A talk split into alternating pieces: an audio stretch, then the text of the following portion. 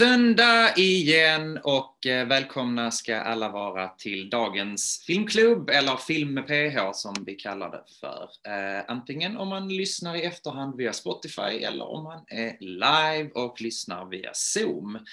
Eh, idag så ska vi prata om en film av Colin Nutley som heter Sista dansen, vilket jag har sett fram emot väldigt mycket att få lov och prata om. Innan det är dags så tänkte jag bara att vi skulle ta en liten update för att en följetråd i den här filmklubben slash film med PH som vi då kallar det för har ju varit eh, award season och eh, the award of the awards, det vill säga Oscarsgalan har släppt sina nomineringar som kom eh, i måndags. Eh, och det var lite upsets och det var lite surprises med olika saker som hände. Eh, och bland nomineringarna så var då Mank av David Fincher den som var mest nominerad. Eh, den hade tio nomineringar. Eh, min prediction är att den inte kommer vinna en enda, så att det är ju kul att få lov att ha varit nominerad till tio i alla fall. Eh, därefter så var det ett helt gäng som var nominerade till fem eller sex stycken priser, däribland vår favorit som vi har pratat om och som är min predicted winner, Nomadland, som även var nominerad till bästa regi. Eh, och eh, sen har vi Minari, Judas and the Black Messiah, Sound of Metal och The Trial of the Chicago Seven. Uh, och sen har vi då även på fem nomineringar The Father och Promising Young Woman. Uh, det är väldigt roligt att det för första gången någonsin är två kvinnor som är nominerade till bästa regi. Eh, vi spekulerade ju i att det skulle vara Regina King som var nominerad för en av filmerna som vi har pratat om tidigare som hette One Night in Miami. Men hon blev tyvärr inte nominerad. Däremot så blev det Chloe Chow som blev nominerad för Nomadland som jag tror kommer vinna. Men även eh, Emerald Fennel. Eh, och lite roligt med Emerald Fennel är ju då att hon, det här är hennes debutfilm som hon skrev och regisserade och producerade. Så hon har tre nomineringar eh, till Oscarsgalan. En rolig sak för er som inte vet vem hon är i övrigt så är hon då alltså Camilla Shand i The Crown. Så att hon är då även eh, skådespelare och har ju då haft ett ganska su- successful år. Och nu känner jag att jag håller på att dra ihop säcken eftersom vi avslutade förra året med The Crown. Så vi hittar de här människorna överallt vidare och vidare. Eh, det kommer nog bli väldigt spännande när det väl blir dags. Eh, jag kommer göra en prediction som jag kommer berätta för er den 21 april när eh, Julia är tillbaka som är vår awards expert när vi ska prata om vilka vi tror kommer vinna priserna och den, the golden man in the end. Men nog om det som ju är ett av mina favoritämnen, awards, och över till dagens samtal. Och det är ju väldigt, väldigt, väldigt roligt att ha någon som faktiskt eh, är väldigt nära eh, den personen eller som vi ska prata om och den filmen som vi ska prata om. Eh, Så jag säger välkommen till eh, producent på eh, Sweetwater Film som då är eh, Colin Nutley och Helenas eh, Bergströms bolag eh, Joanna. Ja, Hej! hej. Vad kul att du är med och vill prata och eh, Mm. jag tänker mig att du har mycket att säga. Vad kul att jag får vara med. Ja, absolut. Eh, jag tänkte jag ska bara presentera dig först för folk som kanske inte riktigt har koll på exakt vem du är. Eh, Mm. Både du och jag, vi har pratat om det, kommer ju inte från filmvärlden från första början utan vi kommer från varsitt håll. Eh, och eh, sen kom du in och började jobba, om jag har förstått rätt, började jobba med medicinen som din första film. Mm. Ja, det vill säga en av Colin Nutleys filmer och har börjat jobba på Sweetwater och har sen liksom gjort karriär där kan man ju säga. Eh, jag kommer ihåg att det var väldigt mycket snack. Eh, det här vet jag inte ens om det är preskriberat eller om jag kanske step over any boundaries nu, men när jag var med eh, och var personalrepresentant i Filminstitutets styrelse så läste jag någonstans i något något, på något ställe i någon ansökan att det var en hyllningskavalkad från Filminstitutets eh, produktionsstödsavdelning där de sa att det här är en framtida producent så henne ska vi hålla ögonen på. Visste du det? Nej, det visste jag inte. Det är en rolig start, eller hur? Då vet jag det nu. Perfekt. Ja. Så, så nu kan du liksom bara känna att du kan slappna av när vi ska prata om Ja, allt för att du har redan halva inne. Exakt.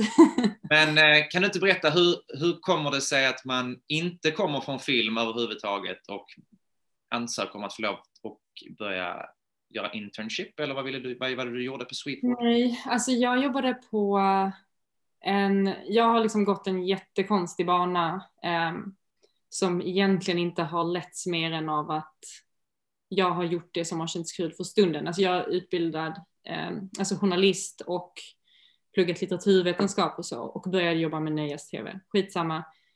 Eh, när jag träffade Colin första gången jobbade jag på en eventbyrå och vi fick uppdrag och, att göra invigningen av Friends Arena.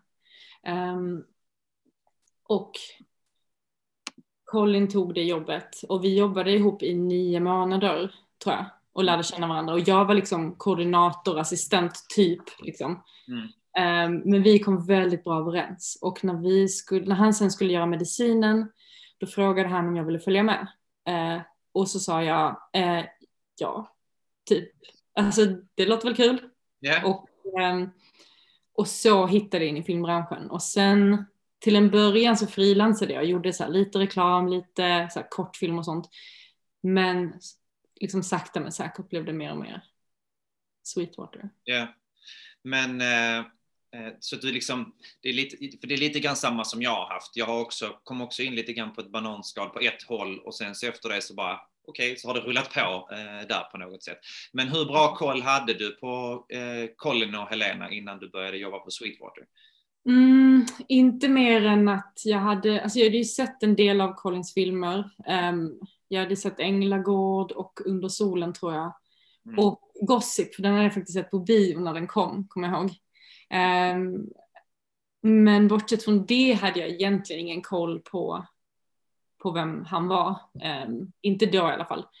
Ehm, men jag, och jag minns när vi skulle börja jobba ihop så det var liksom så himla, alltså det var ingen som hade jobbat med film så det var så himla stort så här uppbåd kring Colin att så här, och nu kommer så här regissören och jag um, och jag fastnade, alltså hur vi lärde känna var, varandra var att jag fastnade med honom i en matsal. Jag kommer ihåg att jag liksom fått så strikta order om att inte riktigt prata med honom, vilket så här, när man känner honom nu känns ju helt befängt. Han är ju världens snällaste människa. Ehm, men då kommer jag ihåg att han frågade mig om någonting och att jag var så här, åh nej, nu måste jag ju ändå prata med honom trots att jag liksom bara är en liten smutsig assistent. Ja. Ehm, men ja, vi klickade direkt och sen. Men det är, ju, det är ju jävligt märkligt alltid, för att jag, de där grejerna har jag också fått höra att oh, den här personen är en riktig knäppis, den här personen vill du inte prata med och vi, det här måste någon annan ta hand om, eller passa dig för den här personen för att den kommer få ett utbrott direkt, eh, liksom. ja. vilket ju är lite roligt. Eh, Man fast, eller ibland, det är så svårt att förstå ibland var de där ryktena kommer ifrån. För att de flesta människor man hör sånt om är ju i, i grund och botten trevliga och enkla och ha att göra med när det väl kommer till kritan. Ja. Men eh, innan vi eh, började, eh, vi pratade lite grann om det här, för jag, tyckte att det, jag tycker att eh, Colin, kanske inte som figur, det vet jag inte riktigt, men jag tycker att hans, hans filmskapande är väldigt intressant därför att det, det, det är lite, inte en vattendelare ska jag inte säga, men, men han har ju gjort filmer då som har eh, varit väldigt haft väldigt stor publik väldigt mycket, men han har ju också en av de få svenska regissörerna som faktiskt varit nominerad till en Oscar. Eh, så att det betyder att han har väldigt många olika delar i sitt konstnärskap som också har genererat olika saker. Men eh, vad jag minns från när jag var på Filminstitutet så har det liksom störst fokus när det har varit Collins filmer har ju varit just idén om att det ska vara för en stor publik snarare än Mm. att det ska vara eh, kvalitet, om man nu vill säga det. det här, de, de här uttrycken är ju väldigt märkliga och jobbiga att prata om. Jag tror att vi kommer komma in på det lite mer senare. Ja, vi kan ta det sen. Men, men när vi pratade om detta här så sa det, ja men jag tycker att vi ska se, köra på Sista dansen. Eh, att det var den filmen som du tyckte var intressant. Och Sista dansen är ju hans eh, femte, fjärde, femte, fjärde Mm. svenska film är det. Eh, han Jag kom väl direkt efter Änglagård va? Exakt, han började göra en film som heter Nionde kompaniet som eh, var predominantly med män i, inte Helena som huvudroll. Nej, Eh. men jag älskar den för övrigt. Den har jag inte sett. Eh, jag, har varit lite, jag har några luckor i min, eh, ja, i min Colin-historia här, så vi får ta det lite så. Eh, men Ja, men sen efter det så gjorde han en film som heter Black Jack och därefter så kom då den, liksom, the big one, vilket ju är Änglagård får man säga, som sen har fått två uppföljare efteråt. Men precis efter Änglagård så gör han då den här filmen som heter Sista dansen. Och det är Helena Bergström spelar huvudrollen eh, tillsammans med Reine Brynolfsson, som ju faktiskt är jävligt snygg i den här filmen, tycker du inte det? Alltså jag tycker han är snygg i hela sin ungdom i alla Ja, men fall. alltså, han var så, jag, var, jag var liksom helt Ja, överraskad. Gud vad snygg Reine Brynolfsson var. Ja, men jag kollade på någon pjäs av Norén nyligen, också på SVT, eh, och där Brynolfsson var, Ja, han, är, en- han är en katt. Eh, kanske, alltså ja, han kanske mest var en katt innan, för han är ju lite äldre nu, men han, han är en han är säkert. Ja.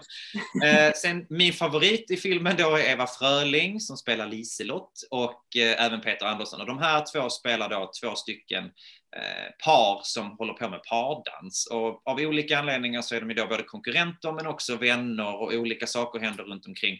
Men det som vi får reda på ganska tidigt är att det som filmen ska sluta med så att säga är att de här två paren är i Blackpool för att eh, ha, representera Sverige i en sån här eh, pardanstävling.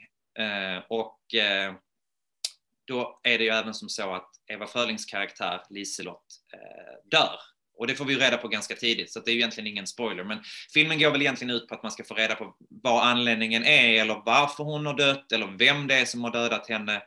Eh, och, eh, så det är liksom som en thriller samtidigt som det ändå är väldigt eh, underhållande och roligt och där finns väldigt mycket komedi i det. Och i några, ett par biroller så ser vi ju även Richard Wolff som ju också är en ständig återkommande Colin, Colin-skådespelare och även Stellan Skarsgård. Mm. Och filmen vann Guldbagge, Helena vann Guldbagge för bäst skådespelerska och den vann bästa foto på Guldbaggen och den har, men den har varit ganska så hyllad liksom. Bla bla bla bla bla, men varför valde du den här filmen av eh, Collins totalt 15 filmer?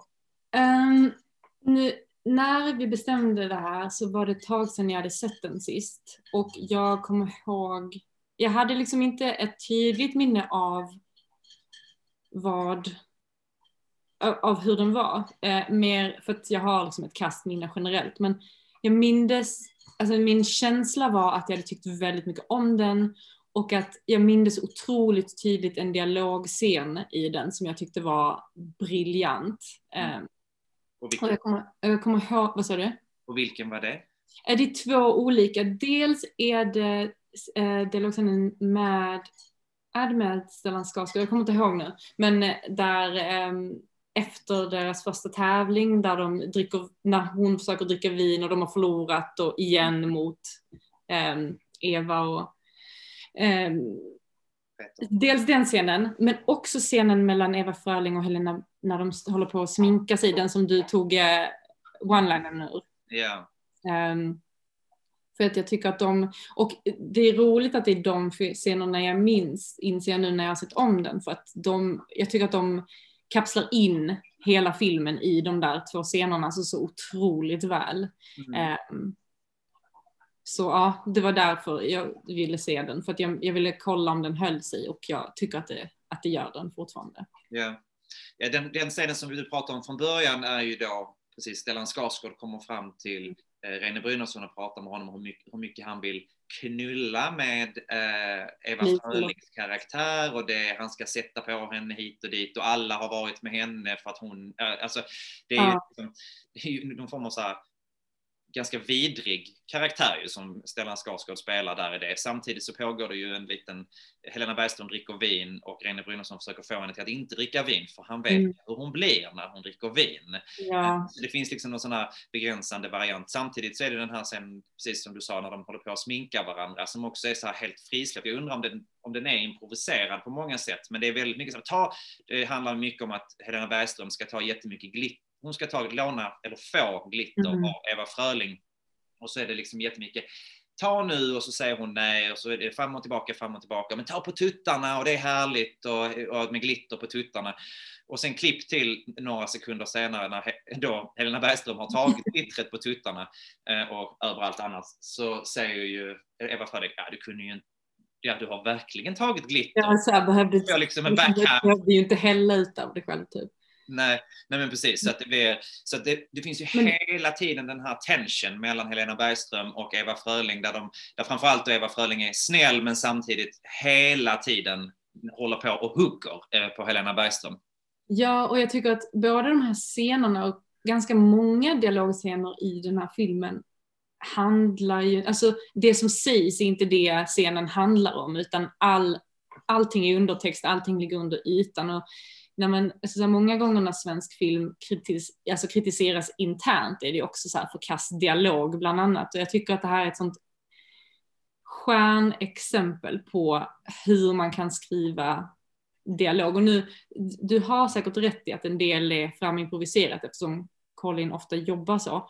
Men ehm, jag vet inte, jag tycker också i den scenen med glittret när ehm, Evas karaktär Liselott skryter om vinsten genom att snacka om hur liten pokalen var på någon tävling som de hade varit i. Liksom så att det framgår att de vann och att de vann över Helena och Reine.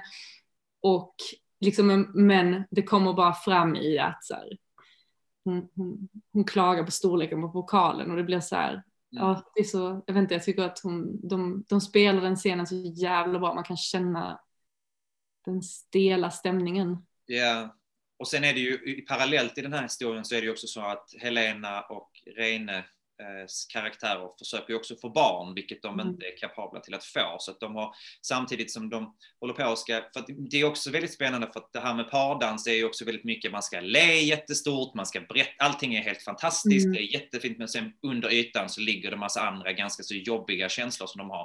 Och jag tänker också att det har ju kanske jag vet inte, men jag tycker att det är lite fint med den här idén om också att människor som försöker få barn, de håller hela tiden på att hålla skenet uppe med att ja, men det är inget konstigt, vi, det, allting är bra, allt, inga problem. Och sen så under ytan där så är det ju jättejobbigt att, man inte, att de försöker få barn. Och, då, och vi ganska tidigt får reda på att det finns ett specifikt klockslag eller en viss dag och det, de ska där de måste göra det liksom väldigt så schemalagt och där, och där försvinner ju också passionen på något sätt.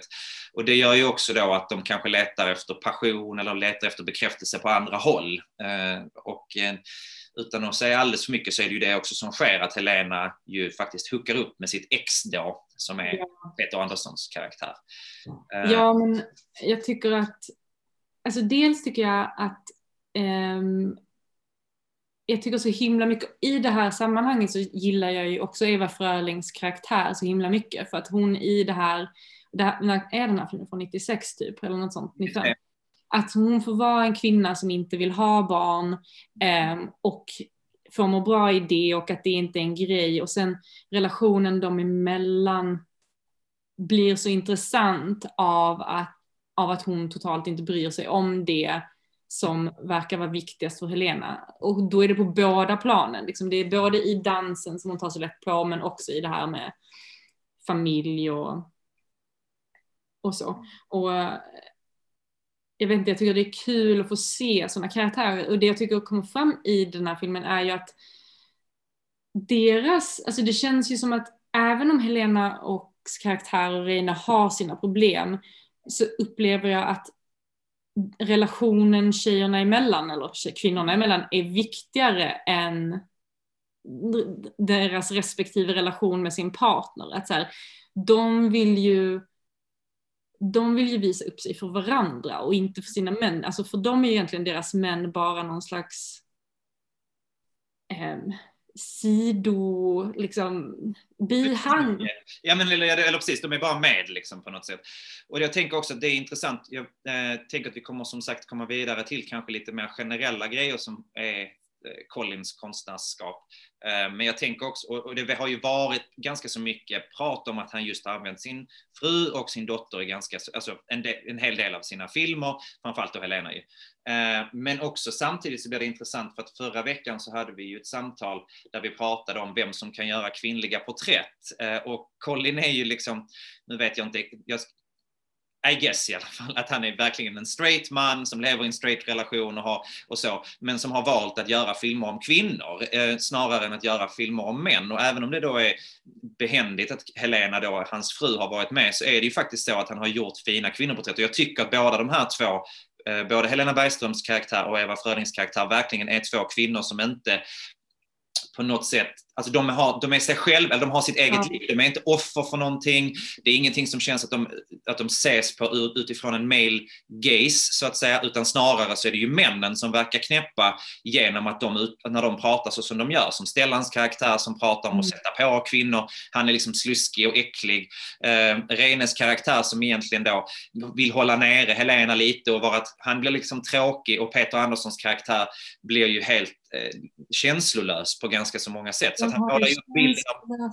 och tjatig och Mm. alltså, det är också så tydligt att alla, men på samma sätt som kvinnorna har sin relation med varandra så har ju också männen sin eh, relation med varandra. Och det, alltså, det finns ju egentligen inte en man i den här filmen som inte är lite, lite vidrig.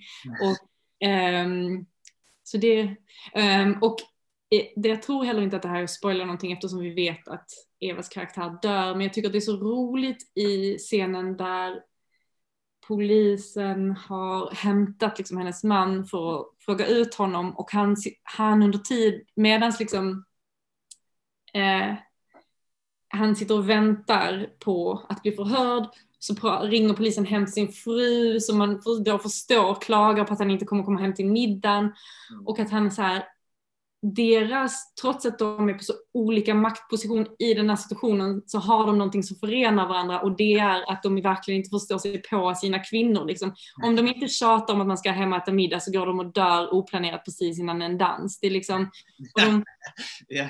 de förenas liksom i det och jag var Ja, och jag vet inte, jag tycker alla manliga karaktärer också är så jävla roliga och Reine är ju liksom helt fantastisk. Alltså han, han är så jävla ängslig och hopplös och Ja. jag gillar hans manér, i- liksom hur han så här, går och upprepar andra karaktärers, liksom så här, vad de säger och hur de säger det på och liksom, ja jag vet inte, han är, ja. Men jag kan tycka att eh, Sista dansen är en ganska så fin ingång till att också se, eh, för man kan ju tycka vad man vill om, viss, vissa tycker ju om vissa filmer, vissa tycker om andra filmer, men jag tänker att Sista dansen är en ganska fin ingång till just också att göra en film som känns ganska tillgänglig men som ändå bottnar i, precis som du säger, en jävligt häftig dialog och det finns underliggande grejer. Eh, jag brukar alltid säga att när jag tycker att en film är bra, oavsett då eh, vilken vad ska man säga, vilken genre det är, så tycker jag också Mm. att det finns att man har tänkt lite extra när man har gjort olika val i filmen som kanske inte, blir, som inte behöver vara övertydliga på något sätt. Mm. Och en av de grejerna som jag tycker är väldigt eh, spännande just i den här filmen, eh, som jag tänker att vi ska ta en liten en liten snippet ifrån. Det, eh, det finns en låt som heter Ut i vår hage som spelas ganska, ett par gånger i Mm. den här filmen, bland annat under begravningen av Reines mamma, eh, vilket är också en jätterolig scen när Reine och eh, Helena sitter och bråkar under eh, begravningen för att de ska åka och dansa i Norrköping eller inte. Eh, Men då spelar de en låt som heter Ut i vår hage och den är ju faktiskt en låt som handlar om abort. Eh, ju. Mm. Eh, Och det är ju ganska spännande att man väljer att ha just den låten av alla låtar som finns med tanke på att de här karaktärerna då också inte kan få barn. Eh, Så att jag, tyck, jag tycker liksom ändå att det är de sådana grejer kan jag verkligen gilla i film där man tänker att det subtilt kommer in saker så vet man så vet man. Annars kan man bara njuta av att låten finns. Mm. Annars så kan man faktiskt veta. Vi ska spela, förlåt? nej men för jag tänker att det, ja, eller du vill spela låten nu? Du kan prata innan. Nej, men jag tänkte att det finns ju flera sådana subtila saker som, eller som, jag vet inte om de är tänkta så, men som jag, um, för jag har inte frågat Colin, men just det här också att de ägnar ju, hela det här gänget ägnar sig ju åt någonting som är så otroligt folkligt som så här ballroom dancing, men Rine jobbar liksom med ballett som då kan anses vara så finkulturen i sammanhanget om man snackar dans och ehm, hur de scenerna ändå klär av den eh, liksom den ytan som man då tänker sig. Alltså jag tycker att det är, ja, det är väldigt kul gjort Ja, om man snackar sådana detaljer. absolut. Eh, vi kan prata vidare om det är något mer som vi kommer på, men vi kör en liten snabbis av eh, Ut i vår hage. hage där växa blåbär Kom hjärtans fröjd Vill du mig något så träffas vi där Kom lior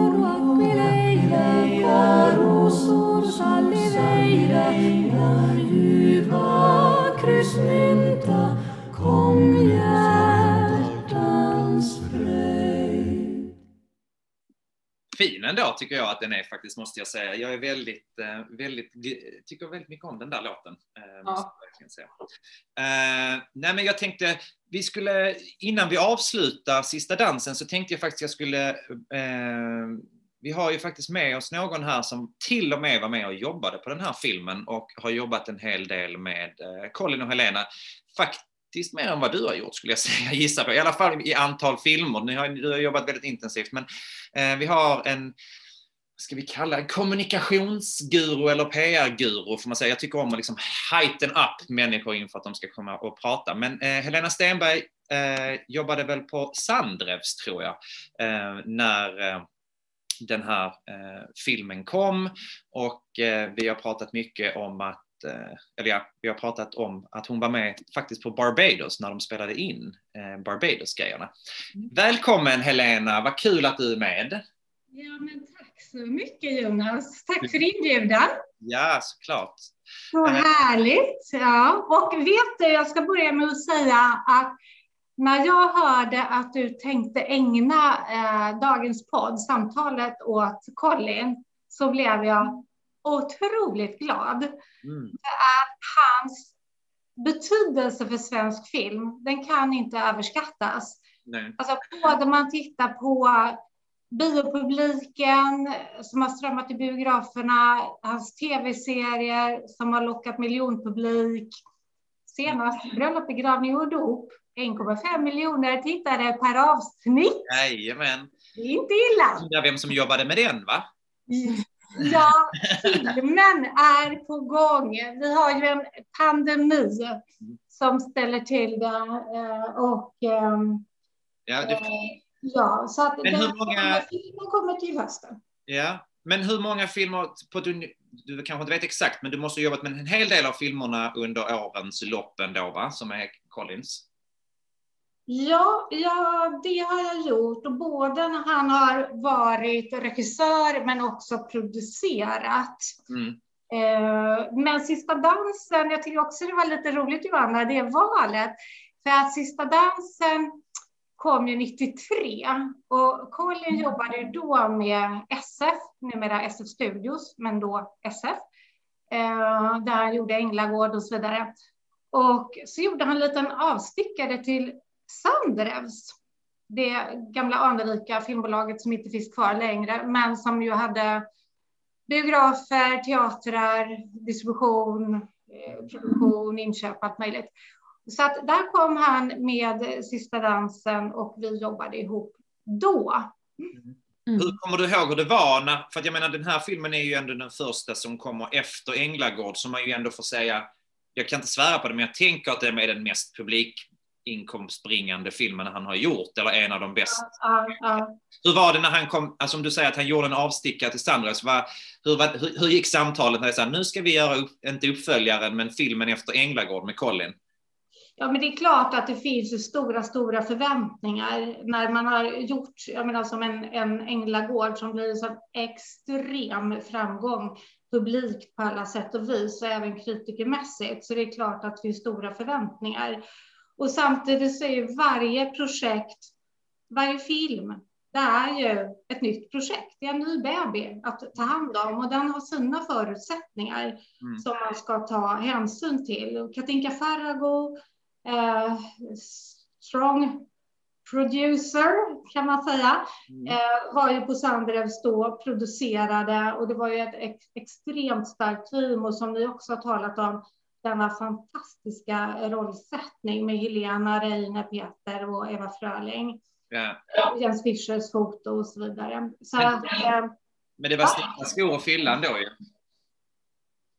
Det var skor att fylla, men det var ju bara att kavla upp ärmarna och eh, alltså, ta emot eh, sin regissör om man säger och vara väldigt ödmjuk.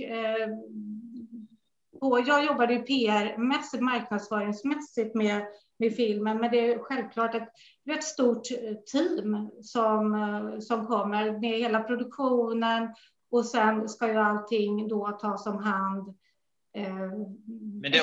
med marknadsföring, lansering och så vidare för att nå ut till publiken. Men in, in i det här så ingick det också att åka till Barbados, eller? Ja, så blev det också. Den är ju inspelad, det gjordes ju några extra tagningar ute på Djurgården, om jag inte kommer ihåg fel. När det var någonting, det regnade rätt mycket på Barbados emellanåt. Så att det var någonting, tror jag, så att teamet fick komplettera ute på Djurgården. Men det blev lite bra Barbados. Om jag inte kommer ihåg fel. Det var någon plats i alla fall. Jag tror det var Djurgården. Ja, ju... Eh, och så var det England. Eh, men, men Barbados eh, var det och då hade jag eh, stora nöjet att få vara med dem där. Och, eh, och alltså vad, vad jag vill säga, nu pratar vi sista dansen eh, framför allt, men vad jag vill säga om Colin framför allt är att, lite som Joanna var inne på, att en inspelningsplats kan ju generellt vara rätt hierarkisk. Mm. Eh, alla vet väldigt ordentligt sina roller och ja, det, det är en rätt uttalad hierarki. Mm. Colin är unik i sitt sätt, skulle jag vilja säga, att arbeta. Mm. Han har ett sätt att se varenda funktion. Mm. Alltså från statist, runner och upp till huvudrollsinnehavare, fotograf och så vidare. Och få alla att känna sig sedda utan att förlora sitt fokus. Eh, och det, det tycker jag är eh, extremt spännande och fint. Och det var ju så att om man nu kommer till Barbados så, så känner man att det, här, det fungerar ju även där, hur lokalbefolkningen tog emot hela teamet. Um, ja, det, det, du frågade efter lite anekdoter och man är, man är lite tråkig sådär när man har jobbat också som pressansvarig eller kommunikationsansvarig för en film. Att man blir ju, man, man är ju också lite sekretess i de lägena. Så att, Ja, det finns några anekdoter. Eh, jag tror att några håller jag nog för mig själv. Eh, andra kan jag säga, det var ju väldigt roligt när Colin och Helena blev inbjudna till Eddie Grant, som har musik med i filmen. Mm. Han blev stormförtjust i dem. Eh, och lokalbefolkningen samlades nere på stranden, dansade. Ja, var, var väldigt delaktiga. Men, men, men Eddie Grant som gjorde den här, eh, han har gjort den där som heter Give Me Hope, Joanna. Ja, ja, ja, ja. Ja, ja. är, Joanna. det är han som sjunger när Helena Bergström blir lite extra pilsk på dansgolvet. Ah, ja, ja, Ja. ja. Fantastiskt. Ja. Ja, Jag jag, ska leta fram soundtracket här till, till eh, ja, någon gång när vi ses. Jag har det i någon... ja, precis. Ja. Eh, nej, men jag kan vara lite avundsjuk över, jag jobb, jobbar inte exakt likadant som du, men skulle kunna ha jobbat lite grann. Och jag har aldrig fått lov att åka till Barbados och jag tror aldrig att jag kommer få lov att åka med en produktion till Barbados i hela mitt liv. Men eh, det är kul att det fanns pengar i film eh, på 90-talet i alla fall. Vi Sen tog de slut. Eh, Sen tog allting slut. Men tack så mycket för att du kom in och var med Helena. Är det så att du kommer på att du vill eh, bryta in lite senare så är det bara att bryta in. Under. Ja, får jag bara säga innan, för att eh, vi pratade lite om de här starka kvinnoporträtten, eh, sa ju Colin. Ja. Och då vill jag säga, alltså nya filmen eh, som vi väntar på premiär då till hösten, Mm. mm. då filmen, där är det återigen en sån här kavalkad av starka kvinnoporträtt. Och jag tänker då ja, utöver Helena Bergström, Maria Lundqvist och så vidare. Det finns ju hur många som helst att nämna. Så vill jag också nämna Marie Göransson, alltså vår legendar som sa nyligen här i en intervju att hon fick en sån nytändning när hon fick jobba med Colin. Och det var första gången de jobbade ihop och det kändes som de hade jobbat ihop forever, får jag säga. Mm. Så att han har någonting som han plockar fram hos folk, alltså oavsett om det är skådespelarna eller team eller oss andra runt omkring. Ja. Då fick vi alltså in lite promotion för eh, bröllop, begravningar och dop som kommer upp på biograf nära dig antagligen i detta år. Eh, tack så mycket Helena. Det Ja, var, tack, tack för din del Jonas. eh, vi, Ja, när vi hörs och ses. vi hörs. Ja, vi- mycket. Nej, men jag tänker att vi kan ju ändå fortsätta vidare på det. Eh, för det känns som att Colin har ju faktiskt jobbat med typ alla, Mm. eh, mer eller mindre, inom svensk eh, film. Ehm, och du pratade om att du hade sett en film som heter Gossip, som han också har gjort. Ja. Kan du inte berätta lite grann bara, för att nu, vi går vidare in i, i Colin-världen. Vad, ehm, jaha men den, På tal om att, att, att samla kvinnor menar jag. ja på tal om att samla kvinnor, ja men jag kom, alltså grejen är att jag såg den, alltså jag måste ha varit typ 14, nej inte ens det när jag såg den, när kom den? Jag såg den på bio när den kom så jag minns typ inte vad den handlar om. Den handlar väl om att det är ett gäng kvinnor som försöker få samma roll. Mm. Ehm, och så har den samlat Sveriges ehm, kvinnliga skådespelarelit. Typ. Ja. Ehm, och, men jag minns tyvärr faktiskt inte så mycket mer av den. Det var så otroligt länge sedan. Nu är jag ju rätt liksom, till åren kommen så det var ju lätt. Ja. Alltså det var ju mer än, ja jag vill inte säga hur många år sedan det var. jag var 14. Men, eh, men tema i hans filmer är ju mycket att man, det handlar mycket om showbiz, det handlar ju mycket om, eh, eller, eller journalistik också ju. Ja, men ja, förlåt att jag avbröt. Jo, men det gör det ju. Um, men framförallt handlar det väl om människor och deras i relationer till varandra. Men man kan ju ändå säga att det finns liksom vissa återkommande grejer. Jag tänker ju på att han har ju gjort en ganska många filmer som ändå rör sig i eh, det området. Eh, Men eh, Mm. vi har ju också varit inne om, och vi kanske bara ska dra hatten, hatten av, eller vad heter det, öppna Pandoras ask när vi också pratar om just det där, eh, vilka typer av filmer som också, alltså hur man pratar om en regissör som gör film för publik. Eh, det har vi ju varit inne på och pratat om innan, huruvida man blir uppskattad eller inte uppskattad, eh, i vilka rum man får lov att ta plats. Och, Colin blev ju som sagt Oscar-nominerad för filmen Under solen, eh, men, eh, men har ju gjort liksom, mycket film som kanske inte har fått lika bra kritikerrespons egentligen. Eh, vad tänker du kring det? Nej, men det där är ju en väldigt känslig diskussion på sätt och vis och särskilt inom, inom, liksom inom vår bransch. Ehm, men och det är också så här när man snackar om att bli uppskattad eller inte. Tittar man på kritiker och liksom branschen i stort så finns det absolut en del liksom, kritik mot, mot Collins filmer. Tittar man sett till publiken så har de teori, alltså, över tid för det mesta stöttat honom. Um, så det, är- ja, det är lite hur man väljer att se det. Men eh, d- det finns ju, eller i Sverige är vi inte så vana vid att se på film som, eller som att det finns en möjlighet för film att vara både kommersiellt framgångsrik och samtidigt ha konstnärlig kvalitet. Alltså, det är som att vi har dragit en hård skiljelinje därigenom. Um, och där i består väl de största, flesta konflikterna skulle jag säga. Ja. Att det är väldigt polariserat eh, Ja. också. Och Guldbaggen är ju ett ganska, kanske det tydligaste exemplet egentligen där också med hur man belönar eller hur man pratar om vilka filmer som... Eh, jag tycker alltid det är intressant när man bedömer film mycket, många kritiker bedömer ju film ut efter samma måttband så att säga. Att du ska bedöma någonting som är en, en liten mindre dokumentär som är, just, liksom, som är gjord om något jätteobskyrt litet någonstans ska du också bedöma på samma sätt som du kanske, inte på samma sätt men ut efter samma måttband som då bröllop, begravningar och dop. Och det är ju helt olika förutsättningar och de har helt olika anslag till varför filmerna görs. Eh, Men det gör ju också att man hela tiden letar efter att det som är liksom eh, så, lit, så, så, så narrow som möjligt är också det som blir uppskattat på något sätt. Eh, Förstår du vad jag menar? Ja, men jag förstår vad du menar och det är ju såklart egentligen en helt onö- ett, ett, ett helt onödigt sätt att se på saken för att all, de fyller ju helt olika funktion, de här filmerna. Ehm, och det finns ju ingen poäng med att liksom jämföra päron och äpplen på det sättet. Ehm, jag vet inte, jag...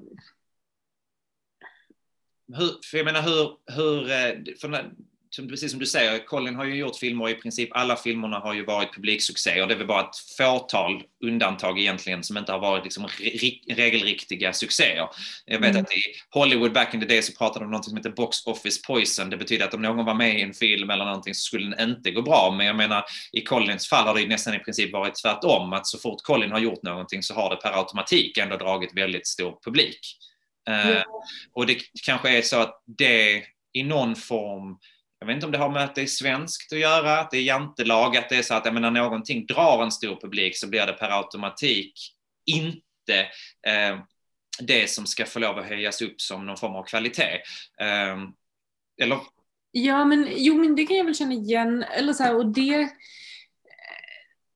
det, alltså, nu, alltså det blir ju väldigt politiskt liksom, om man ska ge sig in i den diskussionen, men så tror jag absolut att det är och jag tror jag kan, jag kan egentligen inte förstå vad bakgrunden till det är, annat än att det, är, alltså det handlar om klass på många sätt. Um,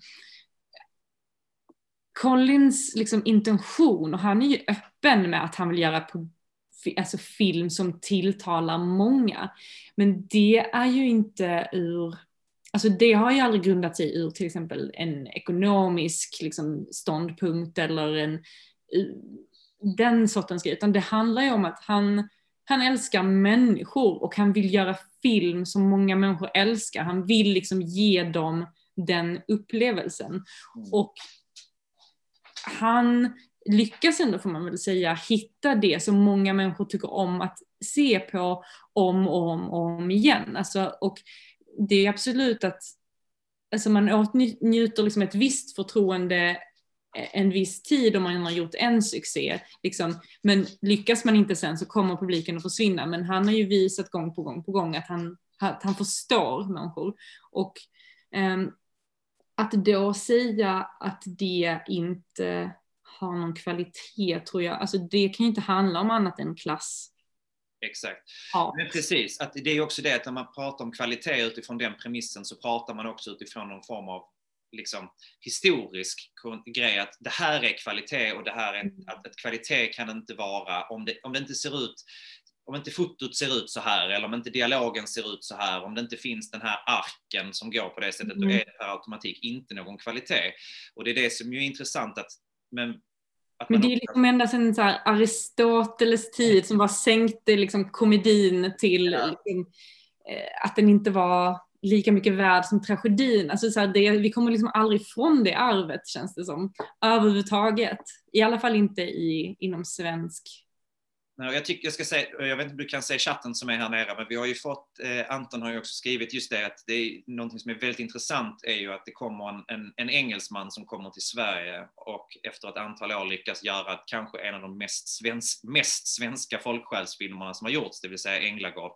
Eh, det kan, kan det bero på avundsjuka som ju också kom in här? Eller att, liksom att, att det är, man försöker hitta det som är svenskt, men man kan inte hitta det som är svenskt inom den formen som är Ja men kanske, jag vill, jag, vill, jag vill inte säga att det handlar om avundsjuka för jag tror generellt sett, eller så, jag tror bättre om folk, jag tror inte att det handlar om, att, om avundsjuka egentligen. Um, däremot så tror jag att Alltså, det, ibland är det lättare att se någonting när man har avstånd till det och det kan ju göra, alltså det skulle kunna förklara varför han har varit så framgångsrik i att beskriva det svenska. Um, för att han inte är en del av det och snarare kanske det handlar om att jantelagen hämmar oss själva och att den inte har någon påverkan på honom. Alltså så här, vi, vi har väl svårare att se vad som är bra med vårt land och med oss själva. Um, och inte vill lyfta oss, alltså så vi, vi pratar hellre om det som är dåligt eller det som är så här, vi gör liksom diskbänksrealism. Eh, och det känns kanske som att det snarare har med jantelagen att göra, att vi, kan, vi vill inte förhäva oss, vi ska visa den så här råa sanningen. Medan Colin kan komma in och visa liksom en, en förhöjd verklighet, en fantasi. Och det är ju den vi egentligen vill vill ta till oss men inte riktigt vågar och att det kanske handlar om det. Alltså det är ju bara spekulationer men ja. Men jag tänker också att den här biten kanske vi klipper bort för att jag vet inte riktigt om jag kommer kunna navigera och säga de här grejerna rätt utan att Nej. jag kommer bli väldigt sårad. Men jag tänker också att det är ju, det är ju lite grann om vårt typ politiska läge egentligen i Sverige också på något sätt. Att vi, att vi hela tiden är inne på att ja, men det här är någonting som är fint och det här är någonting som är fult. Och den stora Mm. massan, vad den stora massan tycker om, det är fult. Och till och med på sådana liksom, stora Melodifestivalen eller vad man nu än vill prata om så måste man hela tiden hitta det som är mycket, man måste hela tiden hitta det som är mycket mer narrow på något Mm. sätt. Man får inte lov att ha slager på det sättet längre. Nej. Slager är inte fint utan man måste ha ordentliga låtar och, alltså att, och samtidigt som vi också då har en ganska stor del av befolkningen som också är ute efter att faktiskt bara bli underhållna eller som att tycka att någonting är, och jag menar jag vet själv, jag såg på Melodifestivalen och så när Pernilla Wahlgren och Per, heter han Per Andersson var med och gjorde någonting, jag vet inte om du såg det, men som jag bara tänkte så det här är så jävla sjaskigt och tramsigt. Mm. Samtidigt så kunde man läsa i kommentarer efteråt att folk älskade det för det var så himla roligt och det var så himla härligt. Att man, vi, vi som jobbar inom kultur i, i Sverige kanske också sticker upp vår näsa ganska så mycket Mm. och säger att nej men, det, det får inte lov att vara för publiken. Liksom. Ja men och det, alltså det är ju det som är så ironiskt, nu, du får klippa bort det här om du vill men alltså nästan all svensk film görs ju av, finansieras ju av skattepengar. Alltså det är ju bara ett faktum. Och alltså de, så per definition är ju all vår film finansierad av folket. Men sen så vill man liksom inte göra film för de som betalar för den. För att också så här, alltså, om en film går bra och liksom drar över liksom sin break-even, och det här kan vi ta bort, då kommer det ju in pengar som sen används för att finansiera liksom alla sorters film. Ehm, och det är ju också per definition, inte nog med att folket har betalat för det en gång med sina skattepengar, sen har de betalat för det en gång till med sina fysiska liksom, pengar. Ja. Och ändå så ser vi ner på dem. Jag kan liksom inte se det som att det är någonting annat än, än någon slags klasshat. Ja. Alltså, ja, men allt det här kan du ta bort sen. Nej, nej, nej, men jag tycker att det är jättebra. Men jag bara tänkte, jag, just eftersom man sitter med sin egen tunga så måste man vakta den så man inte säger därför att det finns ju också, eh, vad ska man säga, det finns ju någon form av eh, i de orden som vi pratar om så finns det ju också så att vi parafraserar eller vad man säger kanske det värsta partiet som finns i Sverige på något. Eller förstår du vad jag menar? Som också är ute efter det svenska, folksjälen och ditten datten. Och jag tycker att det behöver inte gå hand i hand med att göra någonting för publiken. Liksom. Nej, absolut. Det, som är liksom, det är det jag kan tycka är intressant, att man måste ändå våga prata om att det är mycket av det som görs inte görs för den stora publiken utanför storstäderna i Sverige egentligen. Eh, Mm. Jag har ju själv jobbat mycket med kvalitetsfilm, om man nu vill använda det uttrycket. Och där är det ju så här, det finns typ 15 städer i Sverige där man går och tittar på den typen av film som sen går, går och vinner Guldbaggar eller tävlar i Cannes. Resterande folket skiter man i. Eh, och majoriteten av filmerna som görs nu görs ju inom den ramen av att vi ska göra saker och ting för den allmänbildade och den publiken som inte går för att uppleva den fantasin eller drömmen. Mm. Eh, och det tycker jag är väldigt intressant. Och ändå så vill jag ju inte landa i att det ska vara så här, det måste vara svenskt och folksjäl och hela den grejen, om du förstår vad jag menar. Nej, jag förstår vad du menar och samtidigt kan jag också så här, känna att, att man blir så irriterad på liksom, vår diskussion i stort, att man, att man inte ska få vara det. För nu, alltså jag är ju heller inte svensk, så jag kan ju så här, känna en så här, jag kan ändå känna en stolthet över Sverige och känna, men du vet, och att den diskussionen är, den är liksom död för att man vill inte råka riskera att säga någonting som någon kan använda i fel syfte liksom. Mm, Men det är liksom någonting helt, det är en helt annan diskussion. mm. Men, eh, Men den förs inte. Den förs ju inte inom svensk film egentligen. nej. Jag menar, det finns ju definitioner på också vad som är en lyckad svensk publik kvalitetsfilm och det är liksom olika parametrar och det ska uppnått ett visst antal kritikerbetyg och hur många som har sett den och så vidare för att man ska räknas som en framgångsrik film och då, jag menar, enligt de parametrarna så är det ju jävligt svårt att lyckas överhuvudtaget egentligen. Mm. För det, är ju samma sak som du kan prata om eh, runt omkring i överallt, i, i filmbranschen överallt. Men det som är intressant, precis som vi pratar om, är ju det att du har de filmerna som verkligen är ute på kvalitetsflanken så att säga, som Mm. ingen tittar på överhuvudtaget, men som fortsätter och liksom produceras i större utsträckning än de filmerna som folk vill titta på, som är ute på Mm. andra sidan och som blir faktiskt färre. Och medan då mellanfältet, som kanske är helt okej med kvalitet, om man nu pratar om den, alltså utifrån den kritikergrejen, men som ändå drar lite, ganska lagom mycket folk. De finns ju inte längre, de har ju helt skalats bort. Nej men det, precis, och det, alltså vi, eller så här, vi kan, jag, upplever ibland att det finns en så här ton att man snäser åt Hollywood, liksom att men de lyckas ju med det väldigt, väldigt, väldigt bra. Att göra filmer med så här konstnärlig kvalitet men som ändå väldigt många människor vill se och tycker om. Mm. Och jag vet inte, i- och jag, alltså Problemet är väl bara var man har lagt diskussionen, för det är ju jättemycket av den här konstfilmen eh, med viktiga ämnen som också är skitbra och som jag tror att många skulle tycka om att se om den bara hade framats annorlunda för dem. Liksom. Om den hade så här, eh, promotats annorlunda, om diskussionen hade sett annorlunda ut, om kritikerna bara inte hade sagt det de hade sagt. Alltså, och det är, ju, det är ju också det som är så sorgligt, att det finns egentligen inget förtroende åt något håll. Alltså, så här, eh, och det är ju, alla förlorar ju på det. Alltså, Verkligen. eh, så ja, jag vet inte. Och jag tycker liksom att det är jag, jag är ju liksom fast övertygad om att man behöver liksom alla sorters film. Eh, och man behöver göra jättesmal film och man behöver göra jättebred publikfilm. Man behöver bara börja prata om dem annorlunda. Man behöver, man behöver se det som att de är bara olika grenar av samma sak, av samma mål. Av liksom att, att, att berätta alltså vår historia. Ehm, Ja, ja, men, ja, definitivt är det så.